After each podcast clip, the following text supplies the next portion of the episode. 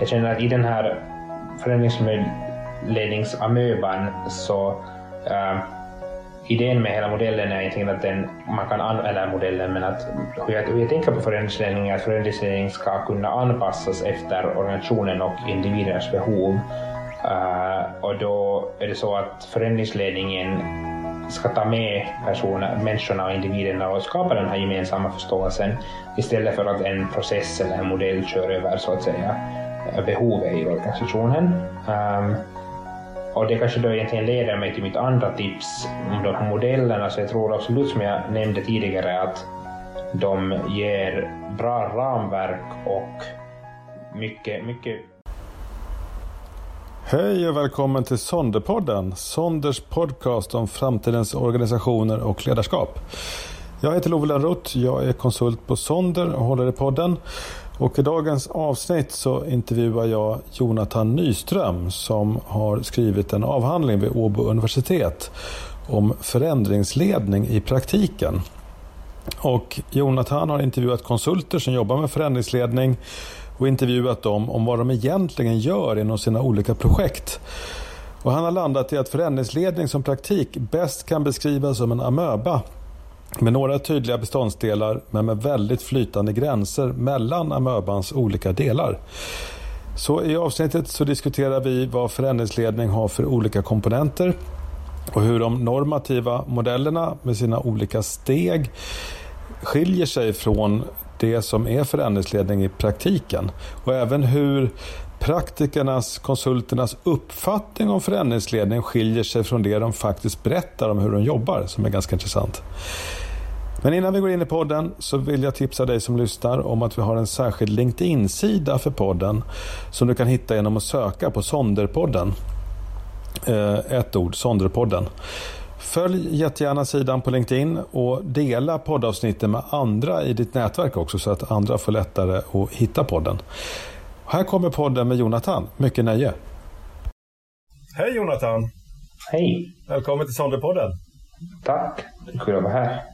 Ja, jag tycker det är så himla kul att ha dig med för att eh, jag är ju otroligt intresserad av förändringsledning som jag tror många lyssnare av den här podden vet. Vi har flera avsnitt av det. Jag har själv skrivit en bok om det också och det är något som, som både jag och mina kollegor eh, jobbar mycket med som ligger oss varmt om hjärtat. Och det är ju mm. ofta därför våra kunder vill anlita oss för att få någon sorts förändring till stånd. Mm. Och det som har stört mig lite grann är att när jag har läst eh, böcker och modeller om förändringsledning eh, och då har jag ju inte läst så mycket vetenskaplig litteratur utan mer sån här som John Cotters åtta steg som är en sån här riktig klassiker, Leading Change eller mm. ADCAR-modellen som är ganska populär att använda och det finns flera andra som bygger på liknande eh, bakgrund egentligen. Men då beskrivs förändringsledning ofta som en linjär process i ett antal steg och det är en väldigt tydlig process. Och som praktiker så har jag alltid känt att det där är otillfredsställande. Så det var faktiskt en mm. orsak till att jag själv satte och skrev en bok om förändringsledning mm. i praktiken. För jag kände att det här är inte som det funkar. Och sen läste jag din avhandling så kände jag, gud nu är det äntligen någon som har börjat mer beskriva det som det faktiskt är. Eh, och du beskriver förändringsledning som en amöba. Vilket mm. också är kul, för det är något, ett uttryck som både jag och mina kollegor har använt. Lite inspirerade okay. av så modeller om social förändring som, mm. som finns sedan tidigare. Så att, därför tänkte jag att den här killen måste jag ju göra en podd med. Så Jonathan, hur, hur kommer det sig att du började forska på just förändringsledning? Um, jag valde egentligen att börja forska i just förändringsledning i och med att jag själv upplever förändring, för, förändringskonceptet i sig väldigt spännande. Um, det kommer kanske från, från de erfarenheterna jag har haft i, i företag och olika organisationer så har jag upplevt att individer reagerar helt enkelt väldigt olika på förändring och jag har också tyckt att kanske, kanske de som har drivit förändringen skulle ha kunnat strukturera den på annat sätt och kanske tänkt mera på hur de faktiskt leder den här förändringen. Uh, så då, nu när det var dags att, att börja med, med min avhandling så tänkte jag att jag läser lite om, om hur förändringsledning görs. Uh, men då slog det mig att det finns hemskt lite egentligen information om vad som görs, utan det är mycket så här normativ litteratur som du nämnde i början också om vad som bör göras och hur man borde leda förändringar och, och så här steg för steg modeller om hur man måste göra kändes det som. Um, men jag inte hittar lika mycket information om, om vad som för tillfället faktiskt i praktiken görs av de som säger sig vara föreningsledare. Um, ehm, så jag bestämde att, att det är då det jag vill fokusera på, så därför fokuserar jag då specifikt på, på praktiken och vad som görs i förändringsledningsarbete av förändringsledningskonsulter.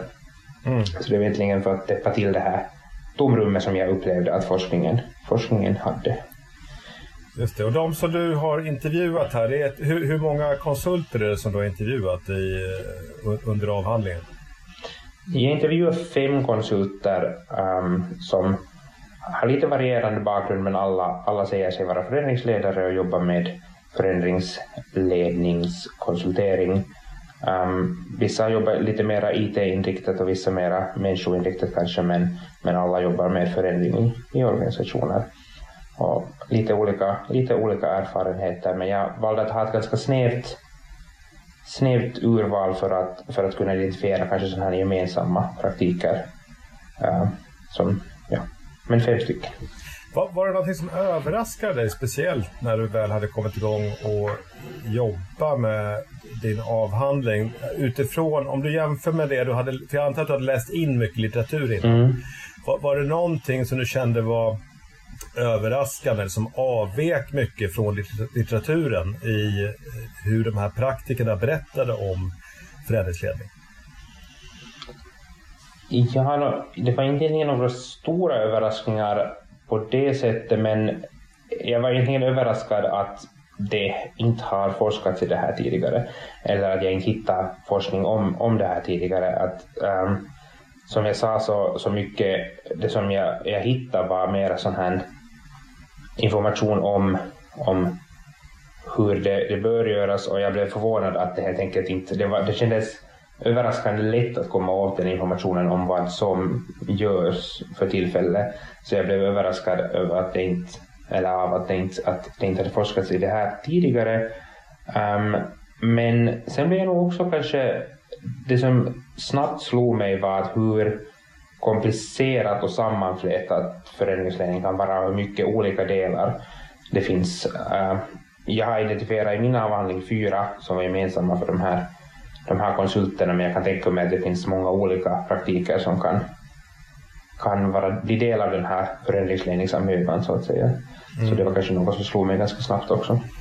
Jag brukar ju prata om förändringsledning som ett slags kladdigt område. Liksom. Mm. Den, eh, om jag jämför med vad jag själv och mina kollegor på Sonder jobbar med så jobbar vi ju mycket med organisationsarbete också. Att mm. omorganisera och även styrning, att hitta styrmodeller. Mm. Och båda de två är ju relativt normativa och där kan man ju ofta ta fram en modell och ungefär följa den modellen. Det mm. finns liksom ungefär, medan förändringsledning är ju kladdigt därför att där hela tiden möter man ju verkligheten om man kallar det för det. Där mm. hela tiden mm. handlar det egentligen i grund och botten om ledarskap mm. som disciplin och att utöva mm. ledarskap. Och det är ju en det, är ju både stort och smått. Det är så enormt mycket mm. grejer som ingår i det. Så, jag, så det som slog mig när jag läste en avhandling också, som jag tänkt på tidigare också, det är lite det här att, att det är svårt i slutändan kanske att skilja förändringsledning från ledarskap. Det blir så mm. oerhört sammanflätat när man pratar om praktiken, mm. vad det är man egentligen gör. Mm. Jag håller med. Det är väldigt sammanflätat och, och svårt egentligen att veta var en gräns går och sen kan man fundera på ifall det är ändamålsenligt att ens tänka på dem som, som så olika.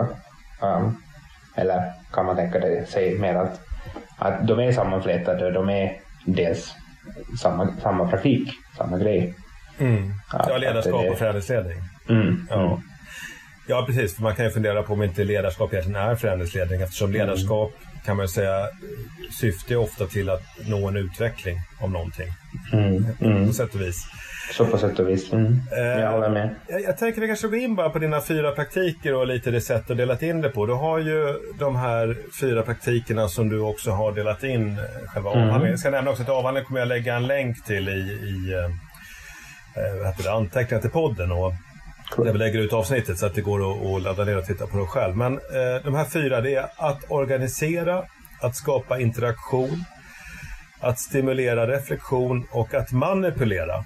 Mm. Eh, och det här är lite spännande. Det är många som anklagar konsulter för att manipulera. Så att mm. inte de får vatten på sin kvarn. Men tänk om vi börjar med den första, att organisera. Kan du berätta lite om vad det är för praktik? Vad innebär det?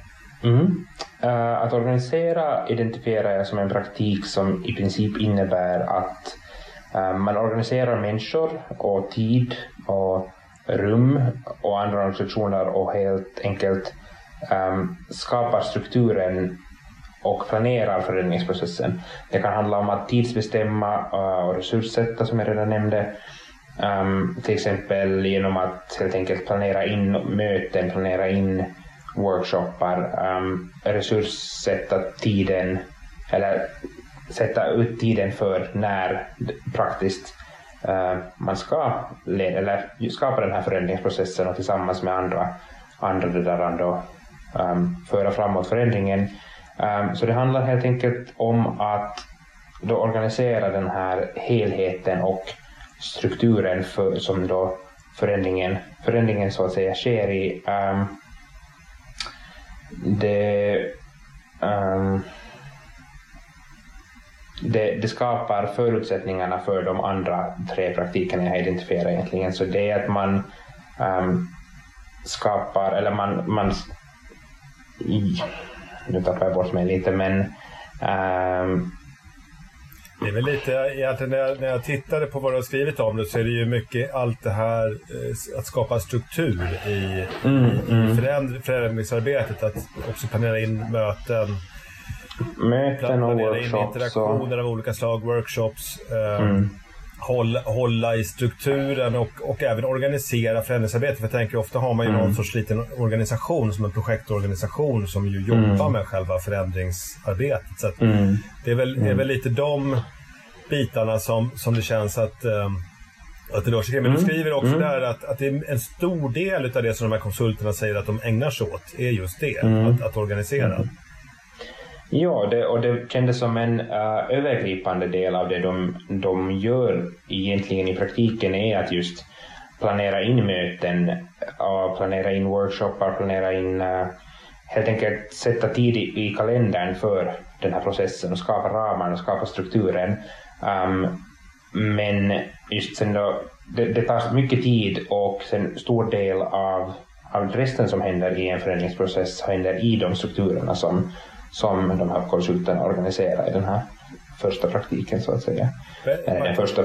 Precis, men den praktiken låter ju som att den egentligen är så att säga, projektledningsdelen mm. av förändringsledning mer eller mindre. Alltså mm. det man tänker att en projektledare gör som är just att skapa de här strukturerna för att projektet ska kunna löpa på. Är, är inte det lite samma sak? Så mm. Att organisera mm. blir praktiken att projektleda nästan. Alltså mm. lite likt i alla fall. Det kan man, det kan man säga, ja. Ja, det är nog till stor del exakt det det, det, det innebär. Eller det är exakt det, det jag har identifierat i den här projektledningen och att organisera helt enkelt ramarna som du sa.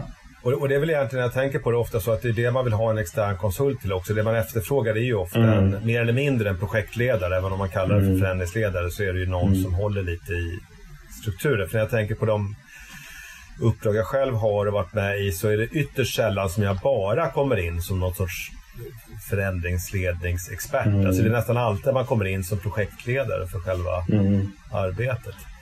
Mm. Eh, men det tänker jag att många nog kan relatera till. Som, som mm. Det känns lite självklart. För förändringsledning är, är, organiseras ju ofta som ett projekt. Är, är det någonting du har funderat över? Skillnaden mellan att driva förändringsledning som ett projekt och att driva det mer som någon sorts process som pågår utan ett tydligt mål eller ett tydligt slut? Mm. No, ja, det, det, blev nog, jag har funderat, funderat en hel del på det. I ramarna för den här avhandlingen uh, så fick jag fick jag helt enkelt skära bort egentligen den tanken. Um, eller jag ville, jag ville sen koncentrera mig mer på de här projektliknande, projektliknande um, men, men det är klart att, att det kan man skapar då det blir, det blir klart att det, det går att skapa, skapa olika sorters um, eller organisera olika sorters ramar för, för om det är ett projekt eller om det är något som ska fortgå. Men i ramarna för den här avhandlingen så, så det där, han pratade de mest om att just uh, som en extern, extern förändringsledare komma in i en organisation, um, resurssätta, organisera mäns människorna, skapa, skapa tid och rum för den här processen och, och de andra praktikerna helt enkelt. Så, sa de här ehm, som medverkade också någonting om hur långa förändringsprojekt det var som de drev? Var det väldigt stor skillnad eller fanns det, upptäckte du att det eh, fanns en normal vad ska kalla det för, tidsspann? Ja, det, det, det där varierar nog lite. De, var, de flesta var några månader kanske långa, sådana mer intensiva projekt. Men sen var det ett par av dem som hade så att säga långvariga kunder där de kom hjälpte, hjälpte, hjälpte fortgående men kanske med vissa olika delar och olika projekt så att säga. Um, så det varierar nog lite. Jag tror att, att mycket, ja, men, men helt enkelt att, att det fanns inte ett visst, en viss struktur för, för hur de alla gjorde utan det berodde lite på organisationen de arbetar i och, och hur denna projekt, förändringsledningsprojekt de är med i. Sen om vi kommer till nästa praktik, att skapa interaktion. Mm. Vad, vad innebär det? Vad, vad, vad innehåller den? Den innehåller egentligen att uh, man skapar, eller man samarbetar, uh, engagerar individerna i organisationen i dialog och genom en sorts social växelverkan så skapar en kollaborativ process, eh, en gemensam process. Um, vilket då innebär helt enkelt att, att både förändringsledaren um, ehm, skapar, uh, för dialog med, med organisationen och individerna i organisationen men också skapar um, dialog mellan, mellan individerna i organisationen. Um, och det, den, här, den här praktiken vad heter det, karaktäriseras stor, stor del av samarbete och, och en syn på förändringsledning och ledning och organisationer i helhet där människor kanske är den viktigaste komponenten. Att få, äh, få medarbetare och individerna i den här organisationen med i, i förändringen så att säga. Um, och till exempel om vi går snabbt tillbaka till den förra, förra det där, praktiken så ser man att där man har organiserat strukturerna för att, här till exempel organiserat strukturerna för möten och, och andra sorters interaktioner så är det sen inom de strukturerna där man kan skapa den här interaktionen. Mm. Så redan här märkte jag att de är sammanflätade ganska långt de här, de här praktikerna också. Det låter lite grann som att skapa gemensam riktning, alltså någonting mm, åt det hållet. Att, mm. att genom dialog, som du säger, att få människor att um, lite gå åt samma håll. För jag tänker det är mycket Absolut. sånt som jag själv jobbar med, tycker jag, att få mm. en uppslutning mm. kring ett förändringsinitiativ, om man säger så. Ja, absolut. Absolut, ja. Det, det var exakt egentligen det det, det det handlar om, att, att skapa en gemensam förståelse för förändringen och skapa en gemensam riktning ditåt, dit man vill gå. Det var en, en konsult till exempel som nämnde det här med att man går från individer till ett vi, så att säga. Uh, där förändringen och förändringsprocessen accepteras av en majoritet i organisationen. Uh, det kan hända att det aldrig är möjligt att alla är på exakt samma sida så att säga med när det kommer till förändring, men att genom att ha en öppen dialog, diskussion, samarbete och skapa den här interaktionen så kan man helt enkelt skapa en gemensam förståelse och därmed också skapa en gemensam riktning för, för förändringen. Jobbade de här konsulterna på ett liknande sätt med att skapa den här riktningen, att, att, att äh, skapa interaktion? Eller mm. fanns det väldigt olika sätt att, äh, att, att göra? Mm. Det var nog långt som jag identifierar för att hur jag analyserar mitt material var också att försöka hitta de här gemensamma mönstren i, i konsulternas utsagor. Så, um, det var långt, ganska långt liknande sätt. Många pratar just om, om workshops där det gav olika uppgifter till, till uh, de här grupperna eller, eller facilitera helt enkelt diskussion så att de skulle diskutera sinsemellan. Och de nämnde också alla att de också för, eh, själv vill föra dialog med, individer i, i det här företagen för att de själva ska förstå organisationens behov och för att de själva ska vara en del av den här gemensamma förståelsen helt enkelt.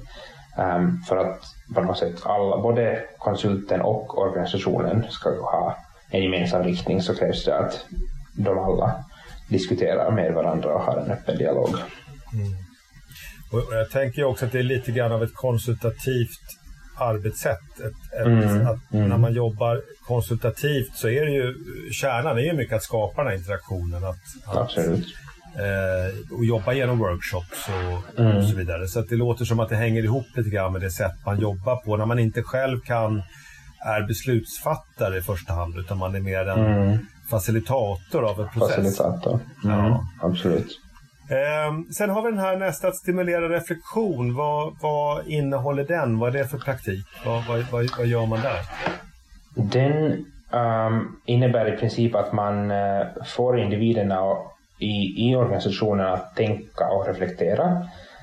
Um, det görs delvis genom de här sociala interaktionerna som kom fram i den förra praktiken. Um, och också genom coachning där man helt enkelt vägleder, vägleder individer till att kom, själv komma fram till, till slutsatser.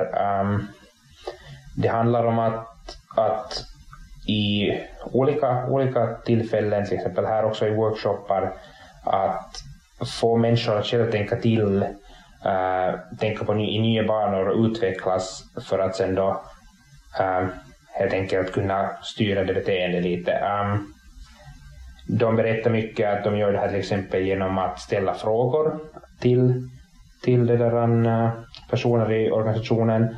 Um, fast de till exempel konsulterna berättar att de har själva en klar idé om vad de vill göra och hur de vill göra någonting så vill de att personer i den här organisationen själv ska kunna komma fram till, till lösningar och slutsatser också. Då gör de det mycket genom att ställa frågor, um, öppna frågor, mer kanske riktade frågor för att få helt enkelt människor att tänka till själva och komma liksom, här också skapa den här gemensamma och kollektiva förståelsen för, för den där eh, förändringen. Um, och också kan det handla om att, att coacha människor att ta till nya verktyg i deras arbete eller arbetssätt som sen för framåt den här förändrings processen. Um, det var en konsult till exempel som, som beskrev det som att en, man ska få en polett att falla på plats hos de här människorna, att få ljuset att gå upp. Uh, hon sa att hon känner att hon lyckas i sitt arbete när hon ser och hör och känner att poletten så att säga faller på plats, att nu har de förstått den här, den här förändringsprocessen. Uh, så mm. Ja, men kort och koncist så det är det. Um. Det, det är mycket låter som samskapande, att, mm, att mm. få och, och som säger, reflektion. Jag, jag, brukar prata rätt mycket om meningsskapande process, mm. att det behövs ett meningsskapande. Att, det säga, om du ska känna mening mm. i, i det du gör och, och göra det så behöver du själv ha det här samskapandet. Apropå mm. poletter som trillar ner. Alltså att mm. Det behöver finnas en slags inbjudan att vara med och mm. medskapa. Om, Absolut det ska bli en bra absolut. process så att säga. Mm. Mm. Och, ja, absolut, jag håller, håller med och det, det är nog mycket det det, det handlar om.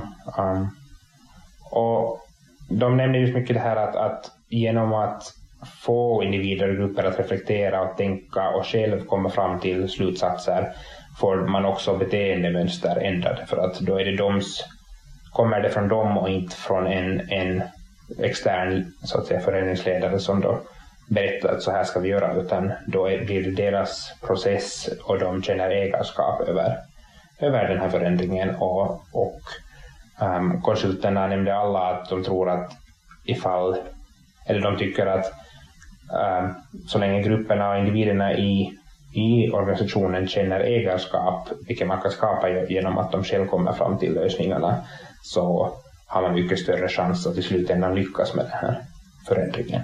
Mm.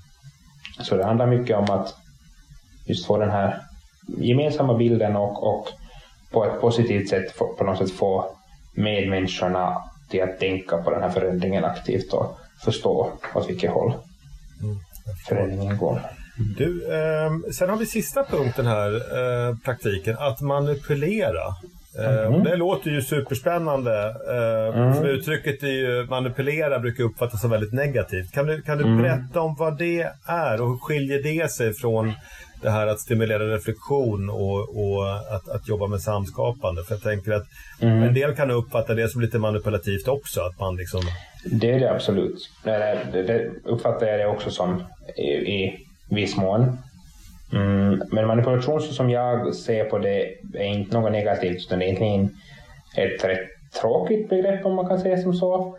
Uh, det handlar om att helt enkelt enligt Svenska Akademins ordlista också handlar det om att lös, uh, styra, styra individer åt önskad riktning eller styra åt önskad riktning.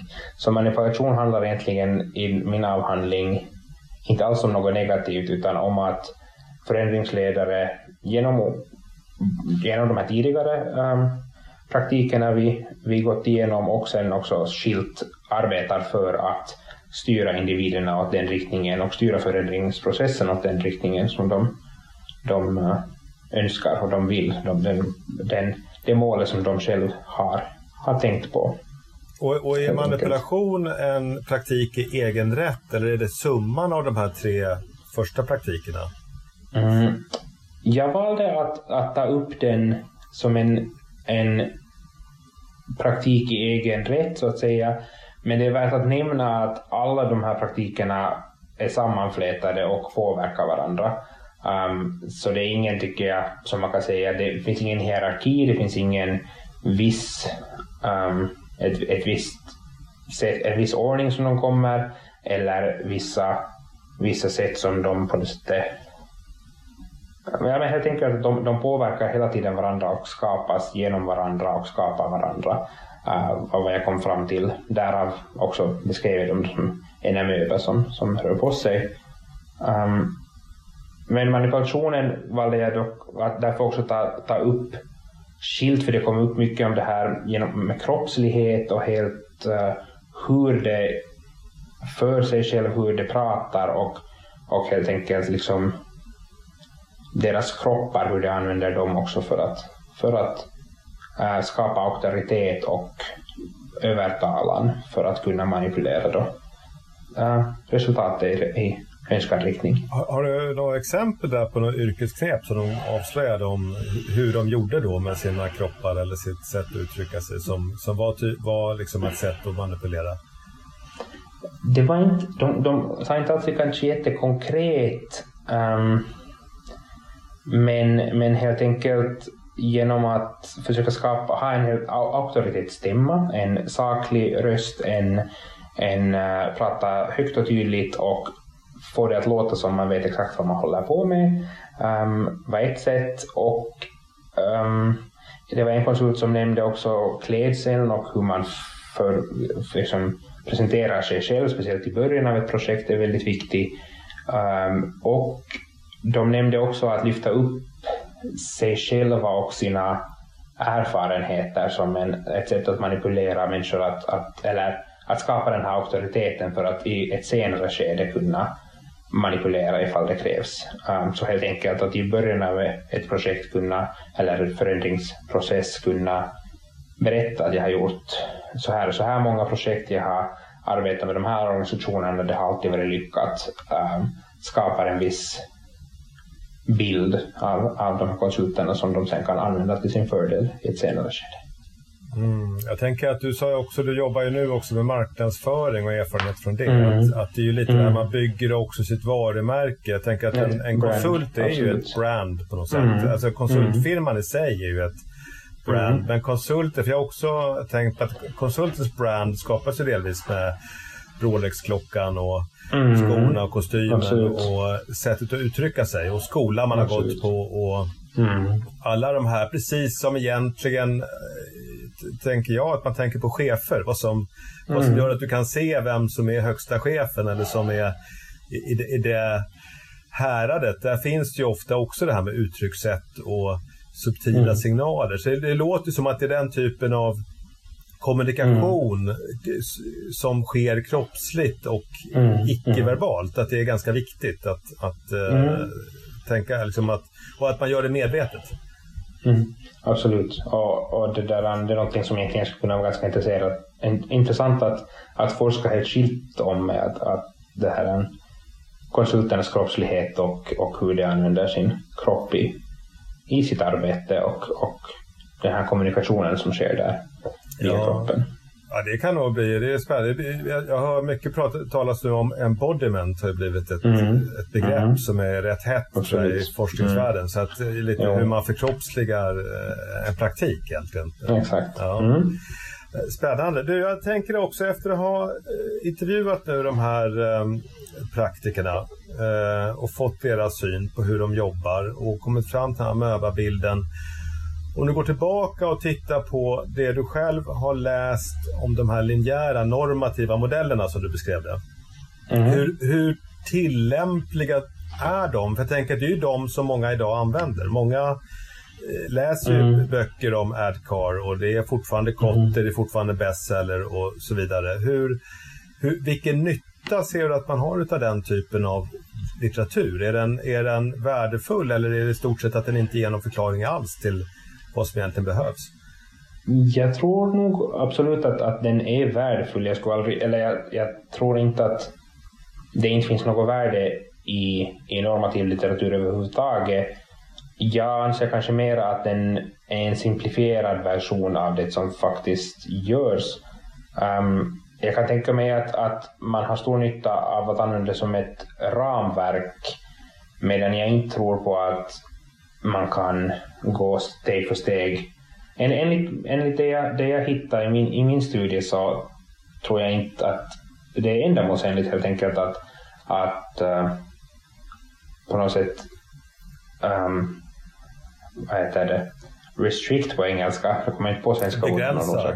Begränsa sig själv till att uh, endast gå enligt de här stegen. Det kan absolut vara en bra bra struktur och en, en bra liksom helhets, eh, ett ramverk. Men det var många av de konsulterna jag nu intervjuade också som sa sig använda sig av de här ramverken och, och det där, um, eller de här modellerna och, de här, och väldigt linjära modeller. Men sen lät det ändå i mina öron som att i praktiken så är det inte så simpelt som att gå i steg A, steg B och steg C och sen är förändringen klar. Utan det känns som att det är mycket mer levande, levande situation när det handlar om att leda förändring.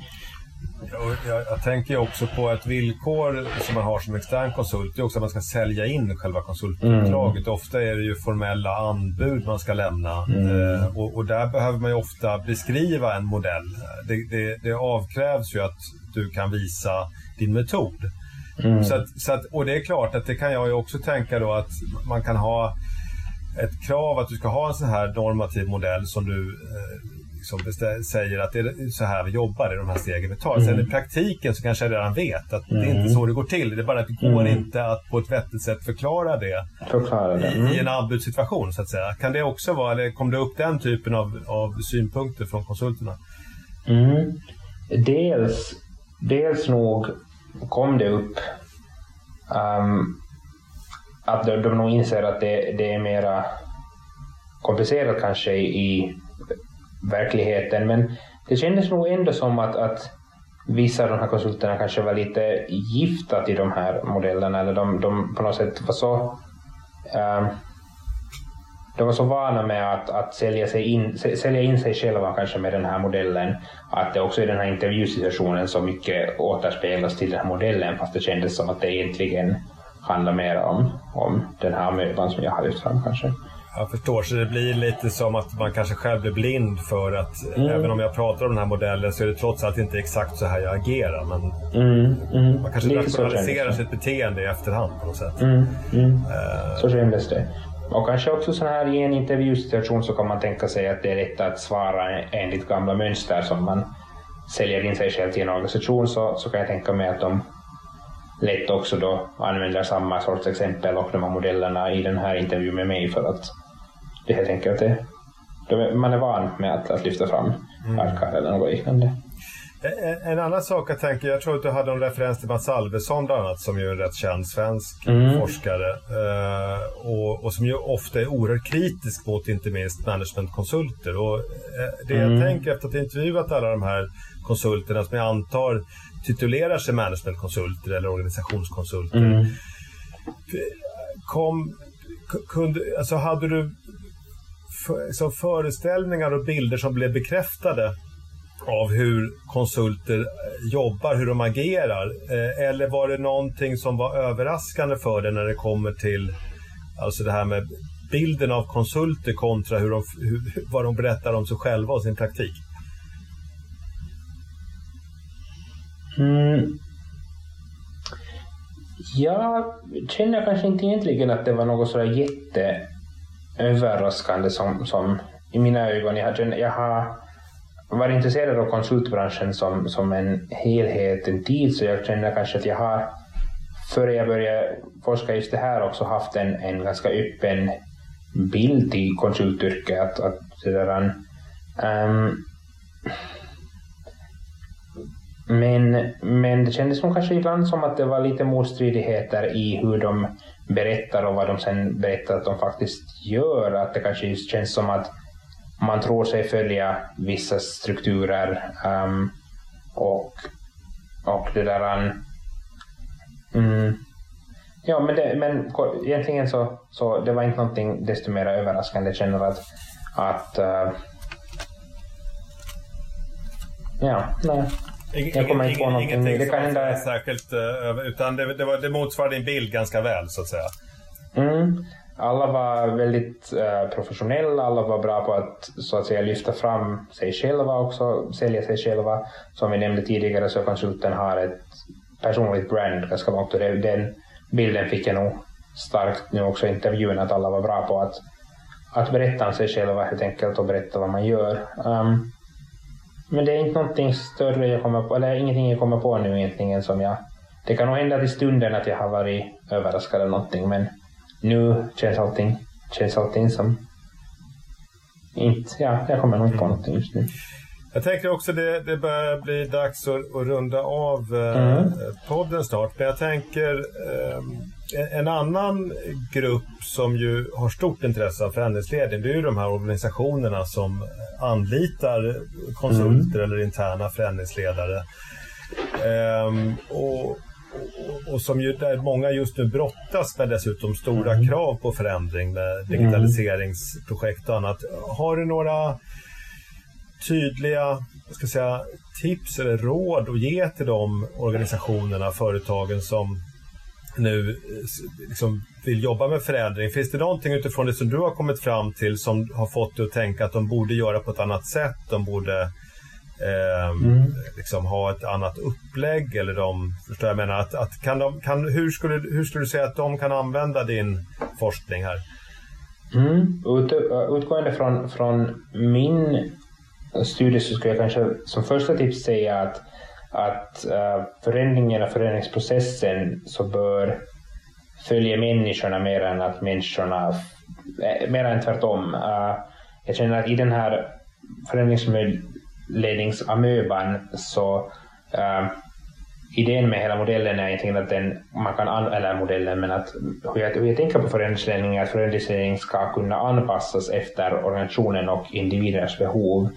Uh, och då är det så att förändringsledningen ska ta med personer, människorna och individerna och skapa den här gemensamma förståelsen istället för att en process eller en modell kör över så att säga eh, behovet i organisationen. Um, och det kanske då egentligen leder mig till mitt andra tips om de här modellerna, så jag tror absolut som jag nämnde tidigare att de ger bra ramverk och mycket, mycket så att säga värdefull information och, många av dem är ju baserade på forskning också så det, det är absolut värdefulla.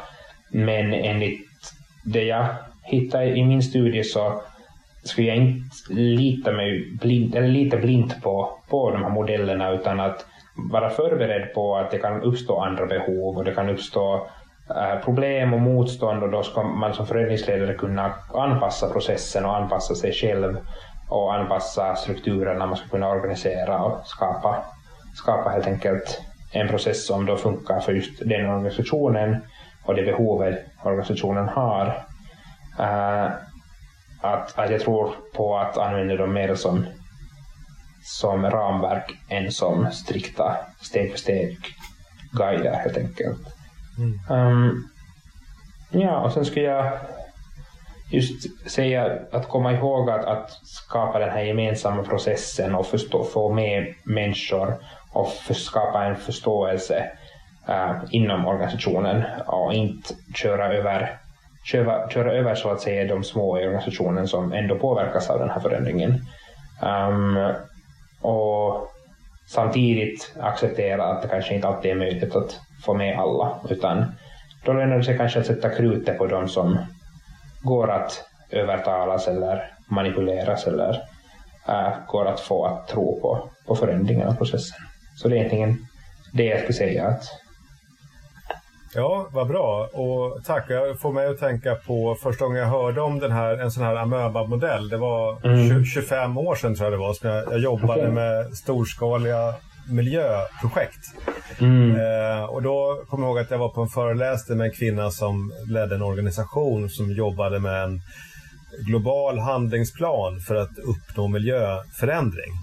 Mm. Eh, och hon pratar om amöba utifrån att det var en teori som fanns inom sociologi tror jag som hon hade okay. forskat på. Ehm, och eh, där det fanns en idé om att om man lyckas nå de första 10 procenten, det var de här early adopters. Mm. Mm. Sen de första 20, hon, hon beskrev det som en amöba, liksom det blir som ett utskott av amöban mm. som liksom förflyttas i en riktning. Och när man mm. väl har nått de första 10 då är man på god väg och sen när man har nått de första 20 då kommer sen resten av amöban att liksom ganska snabbt flyttas mm, över mm. Mot, mot att den, den förflyttar sig på det mm. sättet också. Så att, eh, jag tänker apropå amöba-modell så mm, tycker jag det passar rätt väl in i, i det, den, det sättet att beskriva det på. Mm. Jag tycker om, om, om den här amöba-tanken också för att den känns så rörlig och det känns som att det går att bygga på tanken och, och uh, bygga på modellen. Att som mot, mot pol till de här strikta rutsystemen som man ofta ser så tänker jag att den här möban är ganska rörlig och, och det där, på något sätt öppen till, till olika, olika delar och olika sorters organisationer och ja, helt enkelt, jag tror att, den, att om jag skulle fortsätta forska i samma banor så tror jag att jag skulle kunna lägga till mycket till den här möbeln också och fundera vidare. Så det tyckte jag att var, var kul också på något sätt. Och tack så mycket Jonathan för eh, tack. både den här podden och för din avhandling. Som sagt, jag lägger in en länk till den. Den är lättläst tyckte jag för att vara en forskningsrapport så att den är väl mm. att läsa. Eh, och, och mycket bra exempel och intressanta intervjuer också där. Så att, eh, mm. verkligen. Så tack så jättemycket. Tack, tack för att du fick vara med.